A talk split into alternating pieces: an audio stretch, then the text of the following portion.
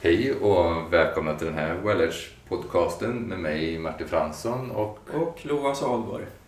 Och under 20-30 minuter kommer vi underhålla dig och samtala kring eh, att vända oro för framtiden till tillit för framtiden.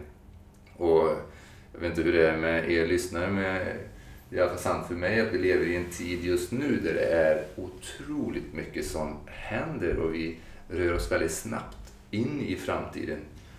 Och då kan det vara väldigt intressant att titta på det här. Hur, hur förhåller vi oss i våra kroppar och i våra känslor och våra tankar kring framtiden och hur kan vi använda det till att bli en gåva, det här unika som människan har. Att vi faktiskt kan planera för framtiden. Vi kan fatta beslut som inkluderar framtiden. Så det är det här vi kommer titta på. Både hur det tar sig uttryck i våra tankar, känslor, i, i våra liv, i våra kroppar. Mm.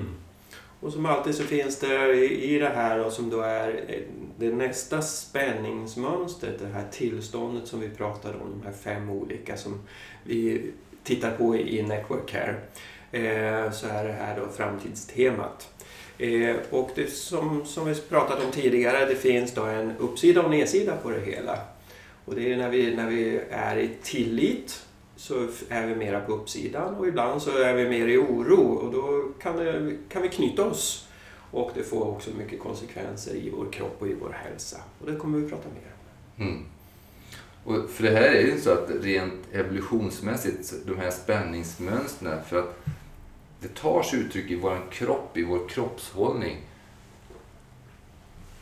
Hur, hur vi är i tillit så håller vi oss på vår kropp på ett annorlunda sätt kontra om vi känner oro för framtiden, att vi har liksom en otillit där. Och det kan du se på ett, ett djur, så att säga. Vad är, hur ta, håller sig en, ett djur, en hund eller en katt när, när det gör sig, så att säga, när det är någon information, någonting den ser eller hör som den ska fatta något beslut om. Är det här någonting som kan vara farligt för mig? Eller hur kommer min framtid, hur kommer det här påverka min nästkommande framtid? Och typiskt så ser vi att djur, inklusive människan, vi kan behärska de här impulserna, men att vi skjuter fram huvudet. Huvudet går lite grann, vi vill titta in, lyssna in. Liksom vi lägger huvudet lite grann på snedden och liksom vill höra, vad var det jag hörde? Vad var det jag såg? Vi vill orientera oss. Man kallar det här också orienteringsreflexen. Just det. Mm. För det är egentligen de första reflexerna vi har. Vi tittar på det första spänningsmätet förra gången. Det som är nästkommande som vi tittar på nu, fas 2. Det är nästa det här att från frysa till så vill vi orientera oss och ta in mer av informationen. Doften, smaken, synintrycket, hörselintrycket och bestämma oss. Hur ska jag förhålla mig till det här? Vad händer härnäst? Ja, precis. Och bokstavligen projicera det fram i framtiden. Ja. Och se vad får det här för konsekvenser? Vad behöver jag göra för att? Yes. Mm. För att överleva är ju så att säga grundidén i det hela kan man ja, säga. Precis. Mm. Och det här är ju som finns hos alla djur, särskilt hos däggdjuren. Och desto mer utvecklade däggdjur, desto mer kapacitet att elaborera, att, eh, att variationer finns det här. För desto mer kapacitet finns det i nervsystemet hos hjärnan också. Mm. I den delen av hjärnan som är ansvarig att vi faktiskt kan se en framtid, se framtidsscenarion alternativen, hur de kan spela ut sig. Det är någonting som hör till i vår evolution som är väldigt välutvecklad hos oss människor givetvis. Mm. Så det här verkligen kan haka upp sig också i att mm. det blir mentala eh, spel där uppe. Mm. Och i grunden så är det ju en funktion som är en av de senare utvecklingarna i vårt nervsystem. Det som vi ibland kallar för frontalloben egentligen. Exakt. Den främre delen av hjärnan, pannan, panndelen om man säger så. Ja. Eh, och eh, vi vet ju också att när vi går in i stress eller försvar då stryper vi ju faktiskt ner väldigt mycket blodflöde till just pannloben. Mm. Vi går in i de äldre delarna av hjärnan och låter dem styra. Vilket också betyder att vår förmåga att projicera in i framtiden och se konsekvenserna blir minskad. Och då, där finns också en, en, en funktion i varför vi lite grann går i baklås eller, eller inte kan se möjligheter utan vi, vi fastnar i, i mer oro istället. Ja. Liksom, hur ska det gå? Hur kommer det bli? Hur ska jag överleva? Hur ska jag få till det? Hur ska jag ha råd? Hur... Så alla våra tankar, all vår uppmärksamhet lever där fram i framtiden men det finns inte riktigt en väg dit om man säger så. Vi kan inte se det, vi bara känner oro inför det. Precis. Och det här blir ju som någonting som lever kvar som vibration i oss, i vår hållning. Så att alla de här strategierna, som vi sagt tidigare, de är av essent, de är, har ett jättestort överlevnadsvärde. Och de ska ju finnas där, men som ofta ska de ha en väldigt kort varaktighet. Och så, säga, så att det leder till en handling, ett beslut och så går man vidare och är i nuet. Istället så händer ju ofta att det här lever kvar i form av spänningsmönster, känslomönster och tankemönster där vi så att säga håller spänning högst uppe kring skallbasen, översta nackkotan. Mm. Eller längre ner vid nackroten så att vi håller det. Och det finns ju lite olika varianter på det där också. Två mm. Grundaspekter, eller flera olika varianter på det. Så vi ska mm. titta lite grann på. Så nu så du kan börja känna igen det här i dig själv möjligtvis. Både i din, i din hållning, din kroppshållning men också i din ditt förhållningssätt till dig själv och, och livet. För det här färgar ju av sig. Mm. Och om vi börjar med kanske den här aspekten kring hur man kan uppmärksamma det här i sin hållning. Mm. Eh, ja, och det, vi har ju som sagt två aspekter av det hela och vi brukar prata om att det, antingen finns det en tydlig koppling, ingångspunkt högst upp i nacken runt den första nackkotan egentligen eller lite längre ner i, nackroten. Och när det handlar om den första nackkotan så är det mera ett, ett faroperspektiv, ett rädsloperspektiv. Det är det här, oh shit, hur ska det gå? Och så nyper vi åt i nacken. Och, och om ni tänker det där, gör, gör bara det. Om man går in i någonting och så säger man Hjälp, hur ska det här funka? Vad händer med nacken? Vart, vart nyper vi åt? Jo, oftast, för de flesta av oss, allra högst upp under skallbasen. Vi trycker fram hakan och nyper ut nacken så att det liksom låser hela det området bak i nacken. Eh, och det som händer i det är också att vi är ju i tillstånd. Det är mm. tillståndet som skapar förändringen i hållningen. Rädslotillståndet skapar förändringen. Och i det här fallet, det tillstånd vi är i var det som jag nämnde lite grann om. Just det här ganska konkret riktad rädsla in i framtiden. Hur ska det gå? Hur ska jag hinna? Hur ska jag få till det? Hur ska jag ha, hur ska jag ha råd? Hur ska jag få min tid att räcka till? Hur, och så vidare och så vidare. Så det är egentligen relativt konkreta saker som vi tittar på. Mm. Och sen har vi då den andra varianten när det kryper ner lite längre och har en tydligare koppling till nackroten.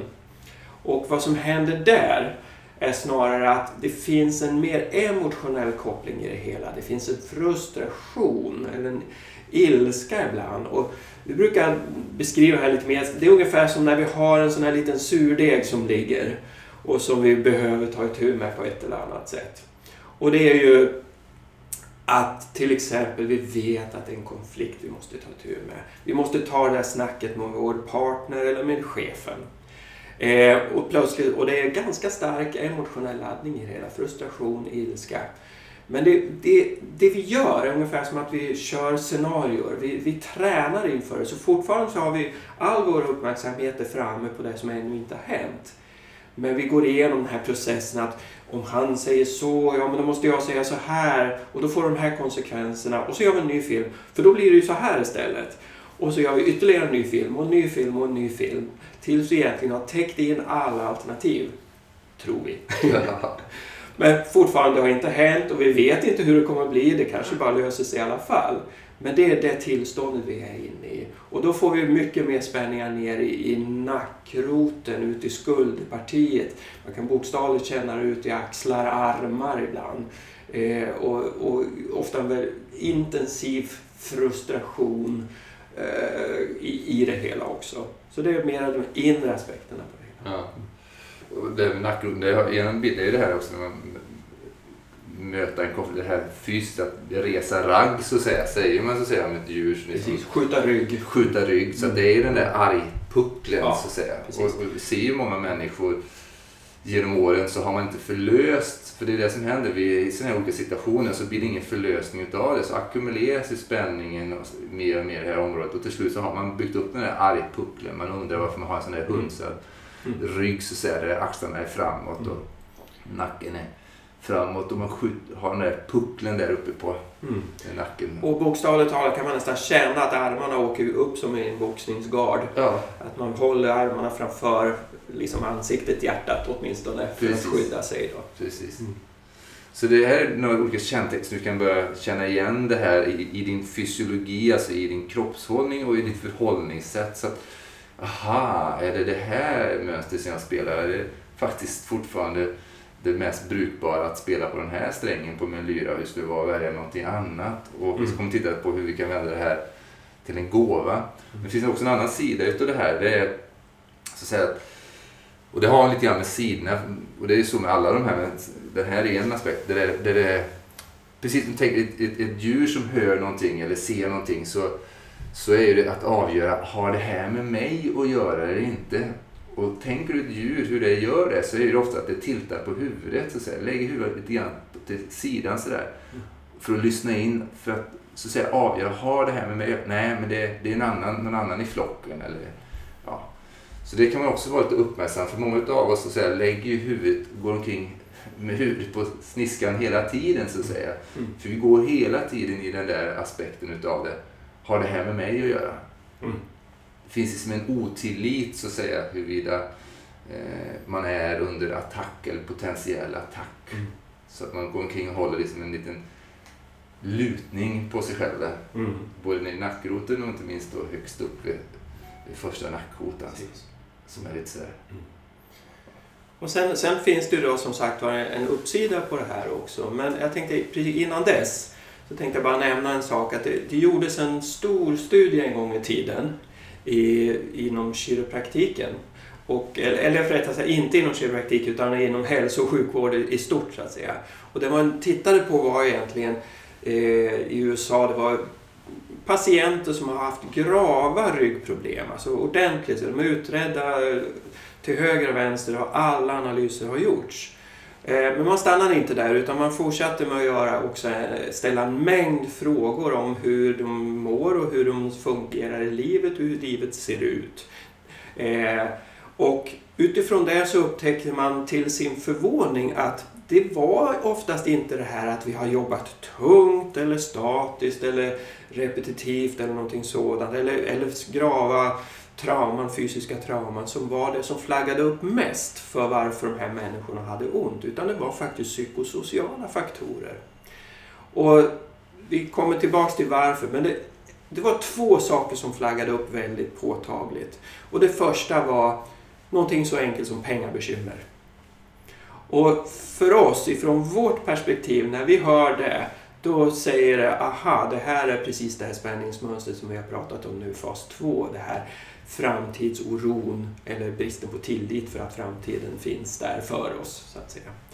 Och, så att det är liksom ett klassiskt uttryck för vad som kan ske och att det kan få så enorma konsekvenser för vår hälsa. Eh, den andra varianten i det hela, den andra psykosociala varianten var mera det här att vi känner oss otillräckliga eller det fungerar dåligt, eh, vi vantrivs på arbetet. Och det här var mer tydligt för män. Vantrivsel på arbetet. För kvinnor så var det mer att hela, hela kontaktnätet liksom inte fungerade så bra. Att våra relationer inte fungerar bra. Och tolkningen har ju varit naturligtvis att för män så lägger vi mer av vår identitet i vår arbetsroll eller funktion, i vår, i vår identitet i vårt arbete helt enkelt. Medan kvinnor ofta har ett lite vidare perspektiv på det än, än oss inskränkta män. Så, och det är faktiskt det vi kommer att prata om vid nästa tillfälle, nästa fas, fas 3, som har just med vår identitet att göra. Så det, det, det kommer mer om det sen. Mm. Så det är lite grann vad som också kan hända med oss rent fysiskt och med vår hälsa. Det här är stora krafter som är igång när vi upprätthåller det allt för länge. Så att Ja. Men sen har vi ju också en uppsida på det hela. Och det är ju, uppsidan är just det här att det blir en tillit till att faktiskt kunna göra de val som är närande, berikande och roliga som faktiskt bidrar till mitt liv, till min familjs liv och till mänskligheten, det sammanhang som jag verkar, den kapaciteten. Och jag brukar eh, jag tänkte det är två övningar som är just som man kan göra själv så att säga. En, en ren fysisk övning och en liten mental övning för just att laborera kring att släppa på det här spänningsmönstret eller att vända på det från ett hinder till en gåva. Och jag, jag sa tidigare att man kan titta lite grann på aspekter det här som orienteringsreflexen, det här att vi vill orientera oss, att vi vill ta in vår omgivning och så kunna relatera till att så att säga i ett tillstånd av tillit, att det här det är ingenting som är farligt här. Jag orienterar mig, jag ser de här sakerna, jag hör, doftar, möjligtvis smakar och kan ta in att här är det lugnt. Så en väldigt bra övning är att om du känner en sån här inre oro som du inte riktigt kan sätta fingret på, som gör att, det, så att säga, ditt system är i den här otilliten inför framtiden. Att det känns som att det är någonting här, jag vet inte riktigt men jag... Att då börja med, om du sitter ner, så helt enkelt checka in i din kropp och börja med att hitta någonstans i din kropp där du känner dig trygg, där du känner att du känner lite mer tillit, lite mer lugn och samlad. Och så tar du i långsamt, långsamt tempo så bara tittar du dig runt med nacken. Och just den här vridningen av nacken som startar egentligen med att det är huvudet och ögonen som orienterar sig, som gör vridningen. Så att det är precis allra högst upp som du startar rörelsen. Så du bara med ögonen låter sakta dem leda och ta in och verkligen titta på de sakerna du ser. Och så lägg märke till hur det känns på insidan inuti dig själv när du gör det. Om det är någonting som aktiverar mer, som liksom skapar liksom en ökning av den här inre oron som du möjligtvis upplever. Eller om det är saker du ser och tittar som dina ögon kan vila på just nu som minskar ner den där känslan av inre oro. Så bara långsamt svep igenom ditt spann så att säga. Ta in, titta högt som lågt, vänster till höger så långt, som, eller så långt du kan se. Men det viktiga är att du gör det i långsamt tempo för då kan du bli mycket mer lyhörd på signalen inuti dig själv. Och lägg märke till de saker du kan titta på som skapar så att säga, en känsla av tillit, lugn. Vilka föremål, vilka färger är det? Och du kanske uppmärksammar du vad många har upptäckt när de har jobbat med det här. Att linjer, stadiga fasta linjer är för många, särskilt vertikala linjer, är för många någonting som skapar liksom en tillit så att säga. Och man skulle inte tro det men av någon anledning så verkar det som att färgen rött, orange, det spektrat där, har också en verkan att föra oss till nuet så att säga. Att vi kommer tillbaka här och nu istället för att vi spinner loss i någon inre oro. Men det viktiga är att du upptäcker när du gör det, vad händer i dig? Vad är det du behöver titta på? Vilka färger, former och intensitet utav kulörerna är det som lugnar dig? Och har du ljud runt omkring dig så är det givetvis likadant där. Att lyssna in ljuden och när vi vrider på huvudet och orienterar öronen så kan vi också ju, så att säga, plocka upp ljud på olika sätt och mm. plocka upp vilka ljud det är som skapar lugn. Så att hjärnan i långsamt tempo kan eh, omförhandla hur den yttre informationen som tar in i dina sinnen, vad det skapar för någon inre påverkan. För vad som oftast är sant, då kommer vi tillbaka till det första spänningsmönstret som vi pratade om i förra podcasten. Har du inte hört det så har du möjlighet att lyssna på det. Du ser ju det på wellage.podbean.com så ligger ju de olika podcasterna som vi har gjort där. Men det är det här när, när det här oro för framtiden så att säga handlar om att vi sitter fast i det förflutna. I det att det finns liksom en, en känsla som, som vibrerar kvar. En aspekt som finns kvar där som egentligen inte hör till nuet. Och då behöver vi så att säga i nuet så behöver vi skapa mer av nuet så att den här potentiella framtiden där framme och den där inte med nödvändighet sanna dåtiden, så att säga impactar, den trycker ihop sig så mycket i nuet så det finns ingenting nu.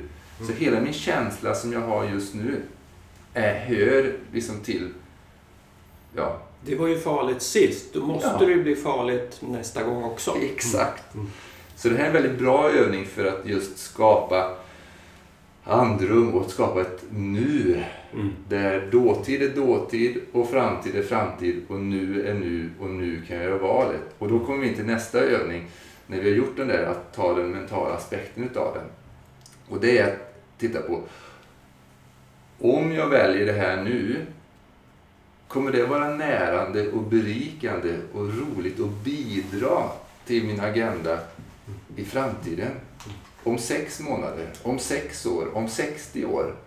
Och notera inuti dig själv hur det känns. För när det är någonting som ditt system håller för sant så blir det en känsla av en expansion, en lättnad. Det lyser upp, det blir liksom en klarhet inombords när vi vet att ja, om jag väljer det här så inte bara är det rätt nu utan det kommer också bidra till mitt liv om sex månader, om sex år, om 60 år. Och just också att det är mer en känsla än vad det handlar om logik. Det är så lätt att titta på det från ett mentalt perspektiv, ett logiskt perspektiv som säger att enligt kulturens regel och, och samhället och, och, alla mina erfarenheter och så vidare så borde jag göra så här för det, det är logiskt och korrekt. Och det gjorde mina föräldrar och det, det förväntas av mig att göra. Men det är någonting helt annat än när vi går in och, och just är i närvaro och, och lyssnar på kroppens signaler och egentligen också i ärlighetens namn själens signaler. Ja. För att eh, när vi tittar på tillit så är inte det någonting vi kan tänka oss fram till egentligen. Utan det är, vi brukar kalla det, det är en slags eh, själens aspekt. Mm. Det är någonting som ligger bortom tänket. Det är, det är en, en, en högre funktion egentligen. Där vi bokstavligt talat kan se att vi är, när vi är här och nu, på den plats vi är, så är det även den, den oro vi känner inför framtiden. Det, vi vet att det finns en trygghet i att det är någonting här och nu vi behöver lära. Det finns en gåva i det hela. Det finns en gåva i händelsen, det finns en gåva i situationen, eller utmaningen som vi ställs inför. Som också innebär att vi har en möjlighet att växa. Eh, och, det, och just att känna tillit inför det, att veta att universum förser oss både med, med utmaningar men också möjligheterna i det hela. Det, det är för mig liksom ett, ett, liksom det är nyckeln till tillit. Ja, ja precis. Jag kom, tänkte på det, eh, en övning från Baron Katie tror jag som Eh, hade just, just det här mentala sättet man liksom oroar sig för, men då kommer jag inte ha pengar till att till betala räkning eller till att ge mina barn kläder och mat och sådär. Den här projiceringen fram så att säga. Men just att komma tillbaka till tilliten i nuet, i känslan. När vi kommer tillbaka till nuet så kan vi bara, ja, men är det verkligen sant? Är det här verkligen sant, det här som jag projicerar? Det är ett potentiellt framtidsscenario som kan vara lika valid som vilket annat framtidsscenario som helst. Och givet hela det spektrat utav möjliga framtidsscenarier som jag har kapaciteten att extrapolera, att så att säga fantisera, fabricera. Så givet här och nu, förankrat i hela mitt väsen och från min själs botten i min fysiologi. Vad kan jag då välja här och nu som skapar den framtid som är närande och berikande och livgivande för mig, mina nära och kära och den framtid som jag vill lämna mm. efter mig. Mm. Och Det är också intressant när, när vi arbetar med människor som verkligen är i det här tillståndet, när vi jobbar med dem med Network Care, när vi har dem på Britt så att säga. Så, så det, är, det är ganska ofta som vi får in människor som är i det här tillståndet, det är jättevanligt. Och oftast är de i, i ganska rejäl stress. De har oftast tidsbrist och eh, vill i princip knappt lägga sig ner på britsen för de hinner inte för de vet inte hur de ska hinna med allting annat. Så de är, är i tidsnöd. Mm. De kanske kommer sent och vill iväg fort. Och sen så när vi väl får ner dem på britsen och vi börjar jobba så brukar det inte ta så lång tid när vi har jobbat innan vi släpper de här spänningarna. Och nästa ögonblick när man sätter dem upp, kanske gjort en lite kortare behandling eller entrainment än vad vi brukar, bara för att vara lite snäll och så att du ska hinna så här. Ja. Så brukar det alltid sluta med liksom, ja, men nu är vi klara, nu är jättebra, nu, kan du, nu hinner du iväg i god tid till att göra det och det och det.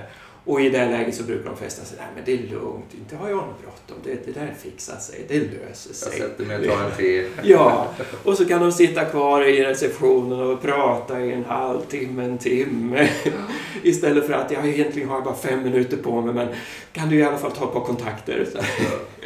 Och det, det, är just det här skiftet som är så fascinerande från den här totala paniken över att inte hinna eller få mm. till det till att vara fullkomligt på plats, närvarande och, och bara inse att det, det jag var inne i förut är fullkomligt irrelevant. Ja. Tid är ett sånt lurigt begrepp Exakt. och det ställer till någonting otroligt mycket i oss. Ja. ja. precis. Tid är ju fabricerad, det är ju påhittat. Mm. Det är en, en mental konstruktion. Så hoppas ni fått med er några härliga mumsbitar och verktyg. Och som jag brukar säga så här, dela vidare det här. Och nu är vi i samtal med varandra och vi hoppas ju att vi är i samtal med dig. Och vi vill gärna att du skriver, kommenterar, mejla till oss på info.wellage.se till och skriv podcast i ämnet. och vad du vill veta mer om, vad du fick med dig av det här, saker som du funderar över som vi kan svara direkt personligt till dig eller som vi kan ta upp i något av de kommande podcasten där.